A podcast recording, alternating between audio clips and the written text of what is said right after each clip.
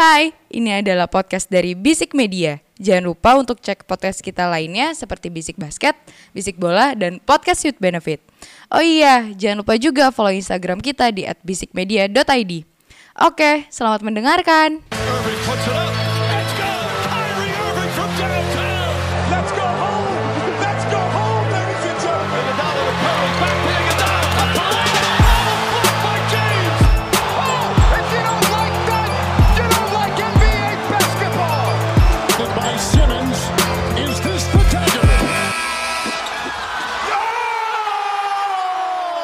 Episode 110 dari Bisik Basket, podcast seputar basket NBA dan juga dalam negeri yang diulas secara santai sebagai pecandu basket. Candu-candu posesif. Ya. Kenapa posesif sih, Ji? Enggak, enggak. Jadi gini. Ini mau ngobrol yang tadi sebelum kita ngetek. Iya. Ya udah, ayo, Iya, ayo. kita obrolin. Gimana? Jadi minggu kemarin, kenapa kita tidak ngetek? Itu karena ada saat, salah satu di antara kita, ah, kita nih di Bisik Basket nih. Ya. Salah satu di antara berarti kita. bisa gua, bisa lu, bisa Abel, bisa eh, Ex- Mas Didi, ya kan? Bisik juga bisa. Bani bisa juga. Jadi Ya, ada kenapa? salah satu di antara kita ini, Hmm, di antara kita berdua sih lebih tepatnya. Ya, lebih kerucut nih sekarang. Mm-mm. Oke. Eh, itu ke Surabaya nggak bilang-bilang gua. Jadi itulah sebabnya kenapa minggu kemarin kita kagak ngetek. Iya kan? Ya, oke, Betul. Nah, oke. aku tanya dalam rangka apa gitu loh. Iya, oke. Sebelumnya, first of all, Heeh. Perkenalkan nama gue Dimas Yoda Eke Dimsu. Kita kenalan dulu. Dan udah Ramzi Alam Eke Duzi Pike Kome Eke Rem Jeke Jontor Jeger Jeger Jeger. Boom boom boom posesif. Boom boom boom duar. Wak wak wak. Oke. Oke gini. Jadi gini Lu kan tahu gue nganggur. Oh Ya ya, kan? sorry, sorry. Gue tuh gini Ini juga sebenarnya curhat dikit ya. Oke, oke, oke. Jadi gue kan kemarin jalan Gue kan ibaratnya anyway healing lah. Ya gue satu dua bulan ini kan gue nganggur. Maksud gue gue nggak tahu mau ngapain Maksudnya gue di rumah cuma bangun siang buka laptop Iya, iya, LinkedIn iya. nyari nyari apply kerjaan terus abis itu paling ada satu dua interview nggak nembus tembus gue merasa kayak kalau kata anak sekarang tuh burn out gitu Alah, alah, alah, alah, kan binder kayaknya gue harus iya. melukat ke Bali Mm-mm, gitu mm. nah tapi tiket ke Bali kan lagi mahal banget nih Iya. tiket tiket lah- pesawat kan lagi lagi mahal-mahal banget kan lagi amsyong lah lagi intinya. amsyong banget dah. Hmm. Pokoknya nggak nggak nggak masuk akal harga-harga Hmm. tiket pesawat tuh. Nah terus Hmm. gue kayak cari cara gimana gue harus mau ke Bali tapi dengan budget yang pas-pasan. Mm-mm. Akhirnya gue cari tuh tiket via mana dulu, via mana dulu. Maksud gue kan gue kan fleksibel banget kan. Iya. Maksudnya nggak ada gak keterbatasan waktu karena kerjaan atau kayak gimana gimana. Baiklah. Gitu. heeh. Nah, terus gue coba coba dari Surabaya ke Denpasar berapa ya? Cuman lima ratus ribu. Heeh. Terus Tapi gue mikir, Heeh. gue dari Jakarta ke Surabayanya naik apa ya? Heeh. Naik kereta, gue hitung-hitung kayaknya nggak masuk budget ya. Akhirnya gue Iya. naik bus ngompreng dua ratus ribu. Oke. Ya udah, Terus ke jadi Bali dari- jadi. jadi ke Bali gitu.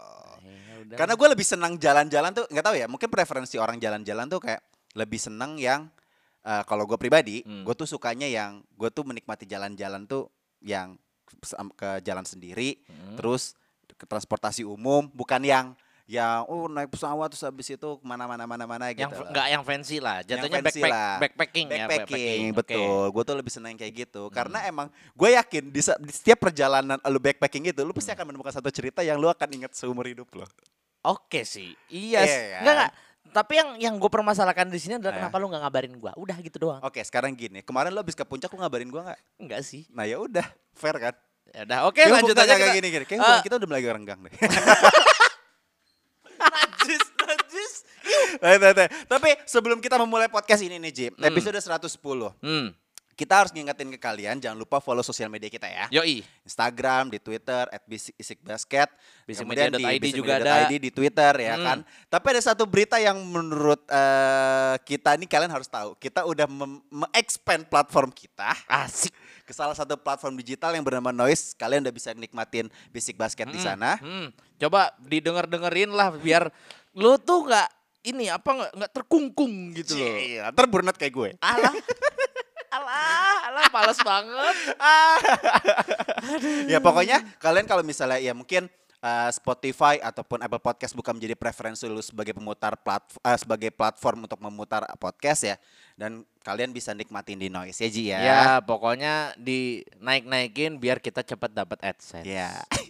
Adlibs. Hmm, adlibs, ya. Iya, ya. iya. Oh ya kalau misalnya ada yang mau adlibs juga Boleh, boleh, boleh, boleh, boleh, boleh boleh banget. banget. Nanti hubungin Umar ya. Pokoknya ini ingat ingat kalian kalau di Spotify bintang limanya ya guys ya. Mm. Terus di follow juga. Kalau di Noise ini sistemnya apa sih Su- subscribe? Ya kurang lebih kayak gitu lah. Subscribe ya, Ah, jangan lupa Pokoknya di like juga lah intinya. Lu sering-sering dengerin kita di sana Iya, juga iya. ya. Jadi kalau jadi jangan jangan nge-DM akun Bisik Basket di Twitter eh, di IG tuh kayak lu eh, Bang episode barunya kapan nih? Episode Iya. ini nggak ada. Ya udah kalian dah tinggal apa sih ibaratnya kayak eh, follow Scroll, aja iya, terus notif kalian tuh di platform eh, pemutar podcast kalian tuh nyalain aja ntar juga ada iya, ya. Ih, keren banget gak sih? Pokoknya juga jangan lupa lu juga jangan cuma minta episode baru doang. Mm-mm.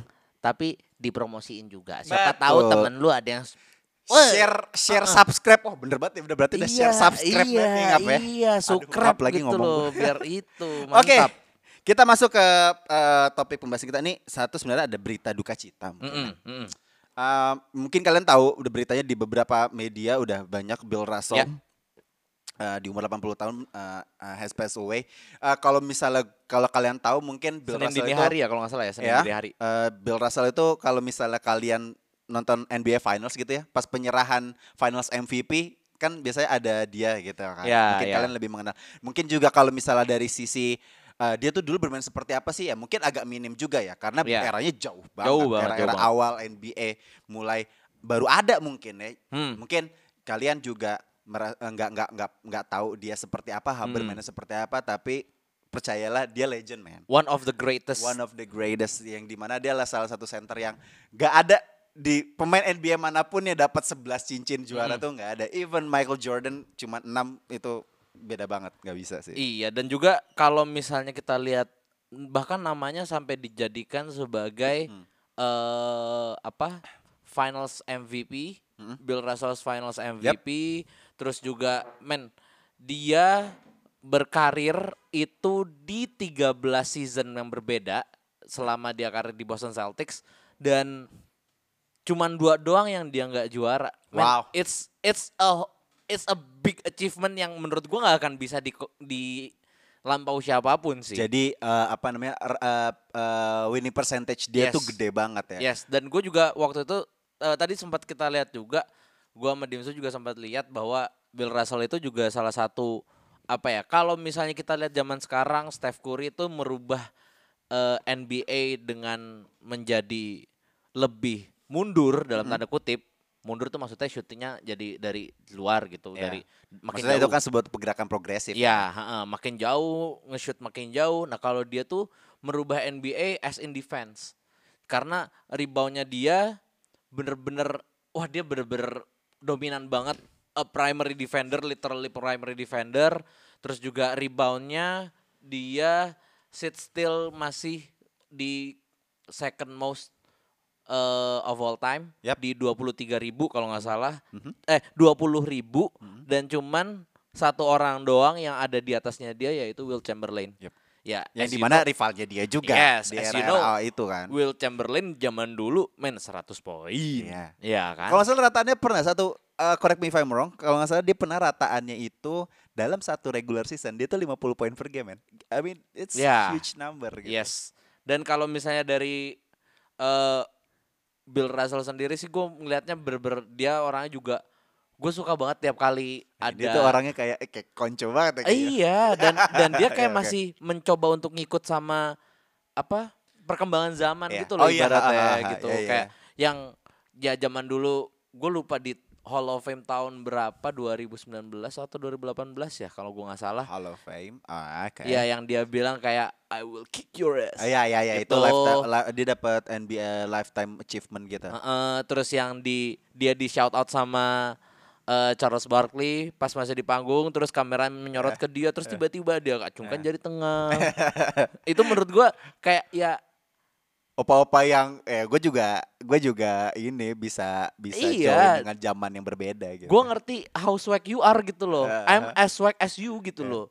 Ya di mana dia bilang I will kick yours itu sebenarnya kalau nggak salah ya itu lima center yang di mana itu bagus-bagus David Robinson, Shaquille O'Neal, Mutombo, Hmm. macam-macam lah. Jadi ibaratnya kayak main ya ya he's the OG sih kalau Ya. menurut gue sebagai center NBA sih. Dan juga dia udah apa ya? Di rafter juga, rafternya Celtics number 6. Pastilah. Iya dan ya maksudnya dunia cukup kehilangan mungkin kita nggak bisa melihat beliau secara Kita langsung nggak main pernah gitu. lihat dia bermain seperti Hmm, apa. mm-mm, tapi seenggaknya kita tahu jejak-jejaknya dia Iya, gitu iya, loh. iya, iya, itu iya. sih kita yang kita penting. tahu bahwa udahlah percaya dia dia jago men. Dia di Hmm, eranya jago. udah yang terbaik lah seperti itu. But talking about Celtics ya dia kan Boston Celtics ya. Ayo dong bridging gua. Iya. Jangan bikin gua maksa ini ada harus ada tektokannya. Heeh, iya nggak apa-apa. Lanjut aja, lanjut aja dulu. Gue lagi mikir ma- Capek banget ya. gue lagi mikir, gue lagi mikir mana yang bisa gue tektok nih. ah? Oke. Hmm. Eh, dia kan Boston Celtics ya. Mm-mm. Gue mendapatkan ini eh, isunya sebenarnya di beberapa pod- eh, episode sebelumnya di podcast kita juga udah pernah kita angkat. Iya betul. Eh, terkait satu pemain yang di mana diisukan kepada tim yang kemarin ke NBA Finals ini nih Boston Celtics. Ya. Si Kevin ular Durant, ini. eh, mm, u- ular lagi masih aja gitu loh. Masih, ular. Dia, masih. dia orang baik. biasanya ularnya warnanya hijau. Ah. Cocok. itu ular apa sawah? Ular kadut. Keket. ular keket. Oke, K- KD sebenarnya kan diisukan, sebenarnya bukan isu juga ya. Berita di- eh, yang disebar di luar sana kan dia beberapa pekan yang lalu atau, atau udah Iya, hampir about sebulan ya. four weeks, about four weeks. Iya, ago. ibaratnya dia udah be- eh, sebulan yang lalu tuh udah sempat requested kan Yap. pada eh, boardnya Brooklyn Nets gitu loh. Hmm. Jadi spekulasi terhadap dirinya untuk pindah ke beberapa tim tuh kuat banget dari ya kemarin udah lo bilang bahwa lebih senang ke Miami Heat dengan diterima kalori dan sebagainya macamnya. Suns juga. Suns, kemudian juga Raptors, dan yang teranyar adalah Boston Celtics, yang di mana mungkin secara aset mereka eh, melimpah ruah, Hmm. asetnya udah cukup banyak dan materi pemainnya juga cukup mumpuni untuk bisa di-trade dengan pemain sekaliber Kevin Durant. Yap. Yang berita yang lebih eh, yang yang gua dapat nih adalah eh, kemungkinannya adalah ini hanya kemungkinan ya, kemungkinannya ya, Ya. karena ya kayak Watch dan Shams juga udah ngasih tahu lah ya, dia udah ngasih-ngasih berita-berita dikit gitu. Akan ditukarkan dengan Jalen Green, eh Jalen, Jalen Green, Green. Jalen Brown Mm-mm. dengan pemain-pemain yang ada dan beberapa aset dari picks. Menurut lo gimana sih? Ini ini akan kejadiankah ya? Karena kan ini kan hanya baru-baru kabar-kabarnya aja kan. Menurut gue bisa kejad eh, enggak sih, enggak bisa kejadian. Mungkin dia lebih cocok balik ke Golden State Warriors karena menurut gue dia bukanlah pemimpin yang baik. Oke. Ya. Kurang lebih gue melihatnya seperti itu. Dan sedangkan as in Boston Celtics as a team sekarang itu mereka membutuhkan leader yang bisa oke nih gue yang bakal ngambil masalah eh kalau misalnya lagi clutch atau lagi apa dia yang harus bisa menurut gue eh KD di momen-momen tertentu belum bisa gitu Setuju, setuju. tapi on the other hand, gue juga mikirin Celticsnya sendiri. Hmm. Dengan ngelempar Jalen Brown, Jalen Brown tuh gue sempat ngecek juga katanya Zach Lowe tuh dia itu kontraknya sisa 2 tahun, tapi eh, player option. Oke. Nah, sisa 2 tahun, terus nanti kalau misalnya di setelah 2 tahun dia dap- masuk ke eh, dia jatuhnya unrestricted free agent, Restricted Karena- dong kalau team option dong. player option. Iya. Dia player, Oke, player option, iya. unrestricted dong. Iya. unrestricted free agent. Ya. Nah, kalau misalnya kayak gitu, eh kalau dibandingin sama kontraknya KD sekarang, kontraknya KD 4 tahun. Dan menurut gua untuk ngincer eh, safety-nya, Ah. gue masih lebih go ke KD ke Oke. Boston Celtics. Hmm. Plus juga mereka udah habis ngambil Malcolm Brogdon juga Yap. kan. Menurut gua eh ya secara apa ya? Lu juga masih punya Marcus Smart juga. Nggak gua nggak tahu gua apakah Marcus Smart akan dimasukkan ke dalam package-nya. Tapi kalau misalnya Marcus Smart enggak, lu masih punya Marcus Smart, lu masih punya Malcolm Brogdon, lu masih punya Jason Tatum.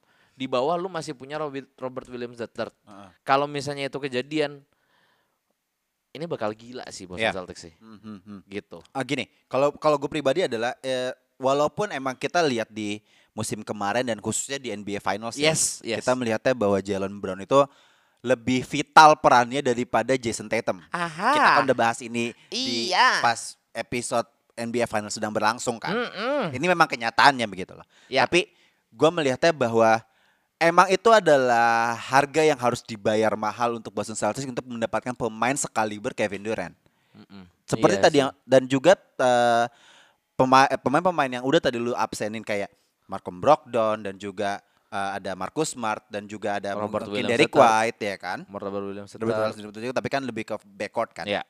Jadi front courtnya ini sebenarnya Boston Celtics tuh udah stack banget Yes. gitu loh. Ya, Dengan ya, ya. kedatangannya Malcolm Brogdon menurut gua akan lebih stack lagi. Hmm. Malah menurut gua Malcolm Brogdon jadi pelapisnya eh, Jalen Brown juga Ya. kayaknya Ya. kayaknya akan seperti itu gitu loh antara Hmm. Ime Udoka gitu loh. Nah, makanya dengan mengorbankan satu pemain yang seperti Jalen Brown yang menurut gua ya Yola hanya mengorbankan Jalen Brown dan mungkin ada beberapa pemain yang kita nggak tahu nih nanti asetnya siapa aja. Yes. Tapi akan menurut gua lebih kemungkinan akan beberapa future pick sih. Ya. Ya kan itu lebih lebih masuk akal gitu loh. Karena Nets juga kan membutuhkan hal itu gitu Ya. kan. Dengan menam- membuang satu pemain di front court eh di back court lo Iya. ya iya kan? Sih, iya sih. Yang yang menurut gua udah ada ketutupan dengan Malcolm Brogdon ditambah dengan backcourt lu yang all star caliber. Mm. Itu gonna be stack man. Mereka mereka akan ya kalau misalnya ini kejadian ya mereka udah bukan ke menurut gua nggak akan eh, nggak hanya di NBA Finals malah bisa Ya. jadi juara gitu loh. Dan gue baru ingat, Mm-mm. em eh gue lupa Jalen Brown itu Ingat kontraknya apa tuh lupa nih? ingat ingat, Ingat, oke. gue ingat deh. Jalen Brown itu kontraknya masih belum max or super max, Iya, ya betul. kan? Yang Nah. baru max itu cuma Jason Tatum. Nah, kondisinya kalau nggak salah, misalnya untuk lo mendapatkan super max, dia itu harus dapat all star Ya. seenggaknya, atau masuk all Ada team, beberapa prasyarat lah untuk Iya. dapetin kontrak tersebut. atau seenggaknya masuk all NBA, Iya, ya kan? betul. Nah, eh di sisi lain Jalen Brown belum pernah di situ. Mm-mm. Dan gue baru kepikiran juga, mungkin win-win solutionnya adalah yaitu ya trade ini terjadi gitu loh. Bahwa Jalen Brown membuktikan dirinya just like James Harden waktu itu meninggalkan Houston. OKC, Oh, oh, OKC, OKC oke. bahkan untuk ke Houston dan dia menjadi superstar di situ. Dan apa ya? eh dan dia mungkin bisa dapat supermax di Ya. apa di mana tadi Nets. di Nets gitu Mm. loh dan menurut gua itu akan lebih baik untuk karirnya Jalen Brown juga Mm. dan mungkin KD juga mendapatkan apa yang dia inginkan selama ini yaitu cincin Mm-mm. dan Lagi. tak lagi dan tanpa di bawah bayang-bayang Steph Curry sama Mm. Draymond Green sama Clay Betul. ya kan dan tidak dikalahkan ke sana. lagi sama Kawhi Mungkin. Karena kita nggak tahu dia main apa enggak kan. Menurut gue sih kayak gitu sih, Le- lebih win-win solution banget buat keduanya, kedua belah pihak, ketiga belah pihak bahkan baik Jalen Brown, baik KD, baik Brooklyn Nets, bahkan Semuanya Celtics. everybody's Iya, happy lah. everybody happy, semua senang kayak dapat scatter apa ya terus. kan tidak diblok sama Kominfo. Oke, terus. Eh, syo syo syo syo syo syo, syo.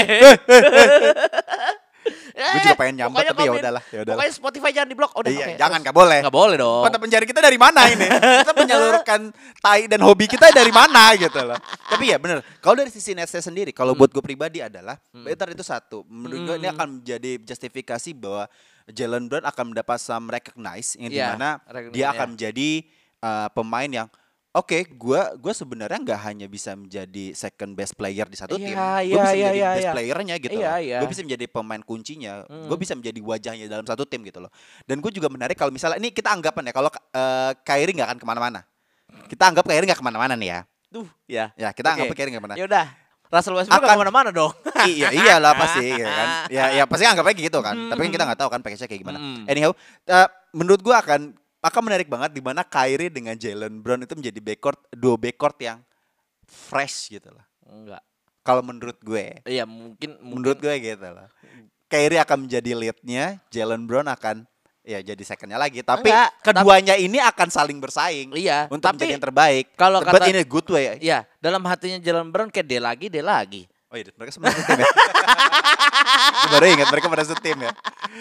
Jadi intinya eh, pas eh, kalau misal ini ternyata terjadi, Brown datang ke Nets, terus habis satu musim nggak works gitu ya. Hah? Kayaknya cabut lagi dong. Enggak, abis ini yang diambil eh, apa? Steve Nash diganti sama Brad Stevens. Anjing. Frank Vogel lah. ya, tapi ini menarik banget dari sekian banyak eh, i- apa namanya isu trade yang terjadi Hmm. untuk KD nih, eh, yang mungkin akan terjadi untuk Kevin Durant. Hmm. Menurut gua ini adalah yang paling masuk akal dan semuanya senang. Yang semuanya semuanya akan diuntungkan. gitu Semuanya loh. elevate, ya Iya, bener-bener naik semuanya gitu benar-benar diuntungkan gitu loh. Hmm. Makanya Iya, dari iya, iya. sekian isu untuk Kevin Durant ini, gue paling senang dengan ya trade Boston, Boston Celtics Ya, ini gitu. rather than lu ngerusak dalam tanda kutip ngerusak hegemoninya Sun sama Heat sekarang ya, maksudnya ya mereka udah struggling banget gitu Iya. loh. Kayak dan sekarang mereka udah menemukan hasilnya, menemukan buahnya, dapat Iya. buahnya maksudnya udah Ji- ada Jimmy Butler, ada Kawhi, La- Kawhi eh Kawhi, Kyle Lowry, Kyle Lowry. terus juga ada Tyler Hero dan Bam Adebayo itu udah udah lu jangan ngerusak lah, itu gitu. lah gitu loh. Suns juga udah ada Chris Paul, udah ada Devin Booker, itu udah udah full, udah bagus gitu. Iya. DeAndre Ayton juga resign juga kan. Iya. Terus juga udah jangan ngerusak yang itu gitu loh. Hmm, Ya udah lu eh men- dan menurut gua oke mungkin balik lagi ke obrolan kita mungkin dari dua tahun yang lalu gitu. Mm. Jalen Brown sama Jason Tatum is it work it? Is it working gitu? Hmm. Maksudnya gua nggak oke mereka nyampe NBA Finals dan Hmm. eh, Setelah sekian lama bersama, Iya. dan juga sama satu hal lagi mungkin Mm-mm. orang-orang tuh banyak yang bilang kayak jangan Ja- jangan Jalen Brown yang dibuang karena kita terpat terpatri langsung sama NBA Finals kemarin di mana Jason Tatum bener-bener nggak nggak nggak elef nggak nggak nggak nggak gak bukan menunjukkan dia. bahwa kuali- bahwa lo tuh seharusnya bisa Mm-mm. you you could do better than that Iya, gitu loh. lu Karena baru- ekspektasi kita tuh ya ini balik lagi kita malah ngerenting Jason Tatum lagi. Maksud gue tapi gimana ya? Kita dibilang kecewa mungkin gitu loh. Iya. Kita kita agak nggak lo performa lo tuh nggak sesuai ekspektasi Hmm, hmm. banyak pemain banyak fans NBA gitu. Hmm. Kenapa lo bisa seperti itu nggak ya nggak berkontribusi seperti ya lu seperti biasanya Ya, bermain ya. di regular season gitu loh. Jadi ya mungkin memang inilah Jalen Brown itu harus ya gua nggak tahu lagi misalnya kalau misalnya ini trade terjadi menurut gue memang ya semuanya senang lah. Ya. Gimana dari sisi dari sisi Brooklyn Nets saya sendiri karena kita gue juga gue baca bahwa Joseph Tsai itu sebagai uh, ownernya uh, Brooklyn Nets juga mereka nggak mau menam, uh, dia tuh nggak mau menambah pemain-pemain untuk menambahkan kontrak yang baru gitu loh. Jadi uh, mereka si Joseph Tsai ini merasa bahwa kayaknya nih Nets ini lagi di titik nadir nih terhadap semua progres dan semua Iya. ya pemain-pemain yang udah mereka sign kayaknya ini nggak work out. Jadinya kayak ya udah kita buat dari awal aja gitu loh. Dan mereka juga mengambil beberapa keputusan kayak dan again Ben Simmons gue juga nggak gua nggak tahu dia bakalan kayak gimana gitu loh. Dan pemain kuncinya juga kayak gimana gitu loh. Gue malah bakal bilang le- bakal lebih penasaran rather than Kyrie Irving sama Jalen Brown. Gue lebih penasaran Jalen Brown sama Ben Simmons.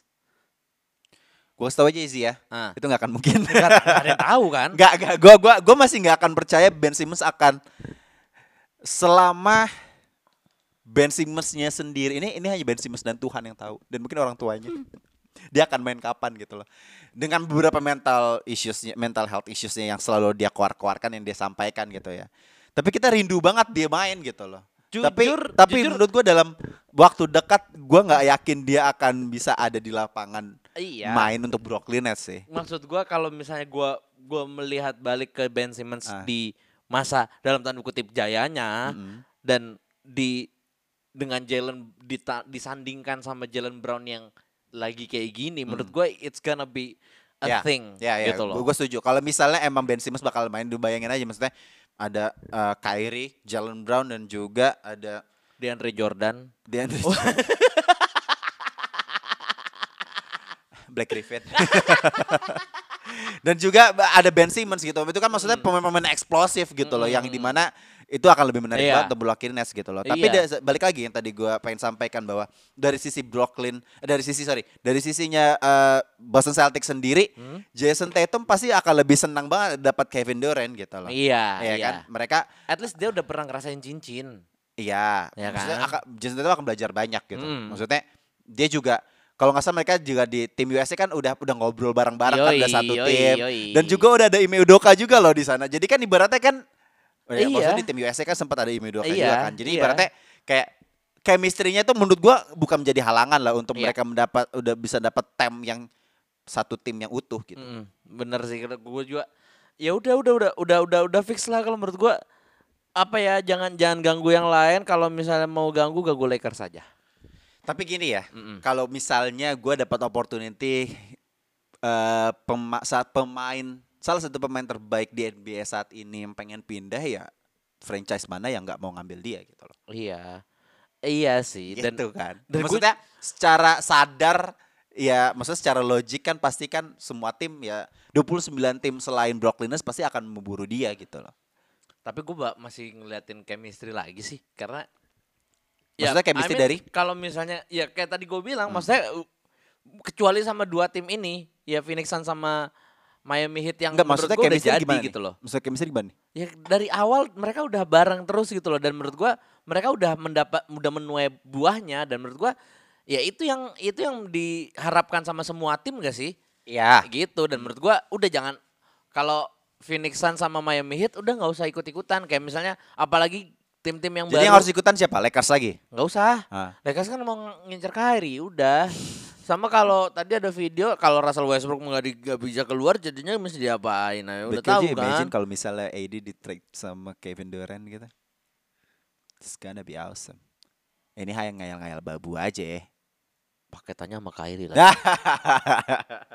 Oke, karena NBA mungkin masih lama ya, Oktober gila. Kita masih punya dua bulan lagi sampai NBA itu benar-benar mulai gitu ya Ji ya.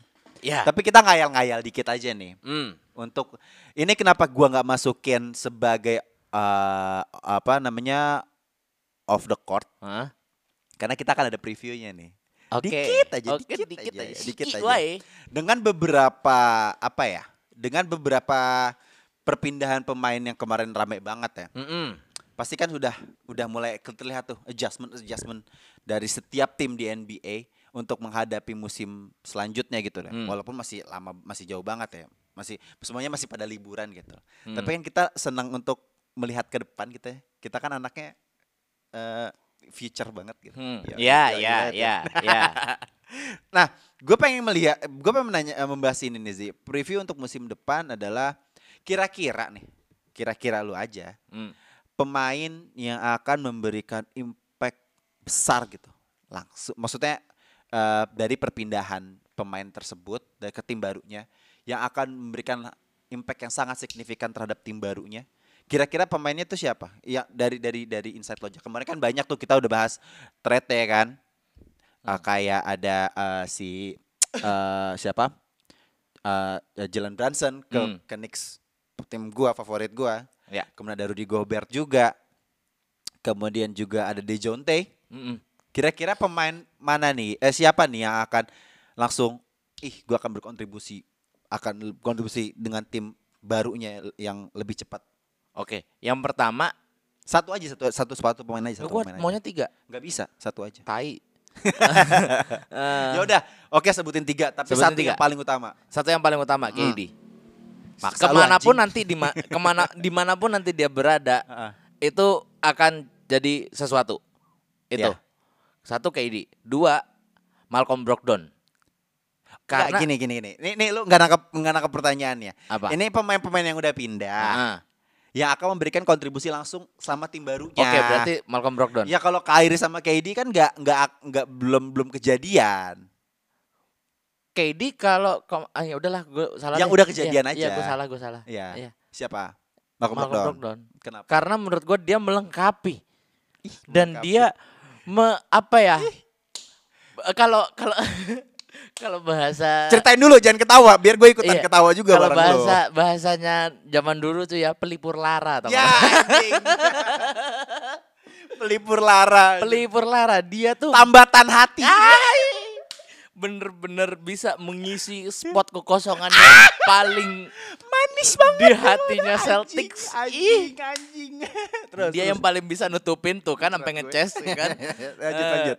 Terus apa ya dan juga skill set dia Hmm. buat gua agak a waste of talent lah kalau misalnya dia masih di Pacers. waktu di Pacers. Waktu di Pacers tuh kayak masih Nggak waste jauh banget waktu waktu di masih di Bucks nih. Enggak. Oke.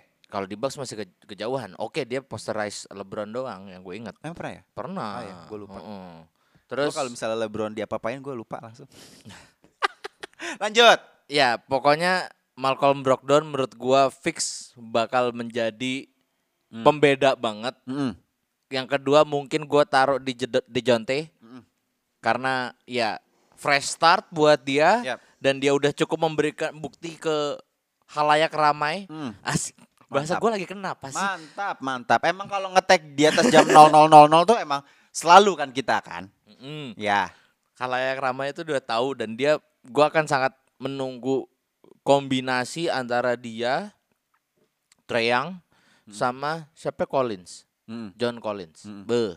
Ama your center all star lu Clint Capella. Anjing kenapa masih ngomongin Capella sih? Masih, masih. Ya, ya, rambutnya masih pirang ceput gitu ya.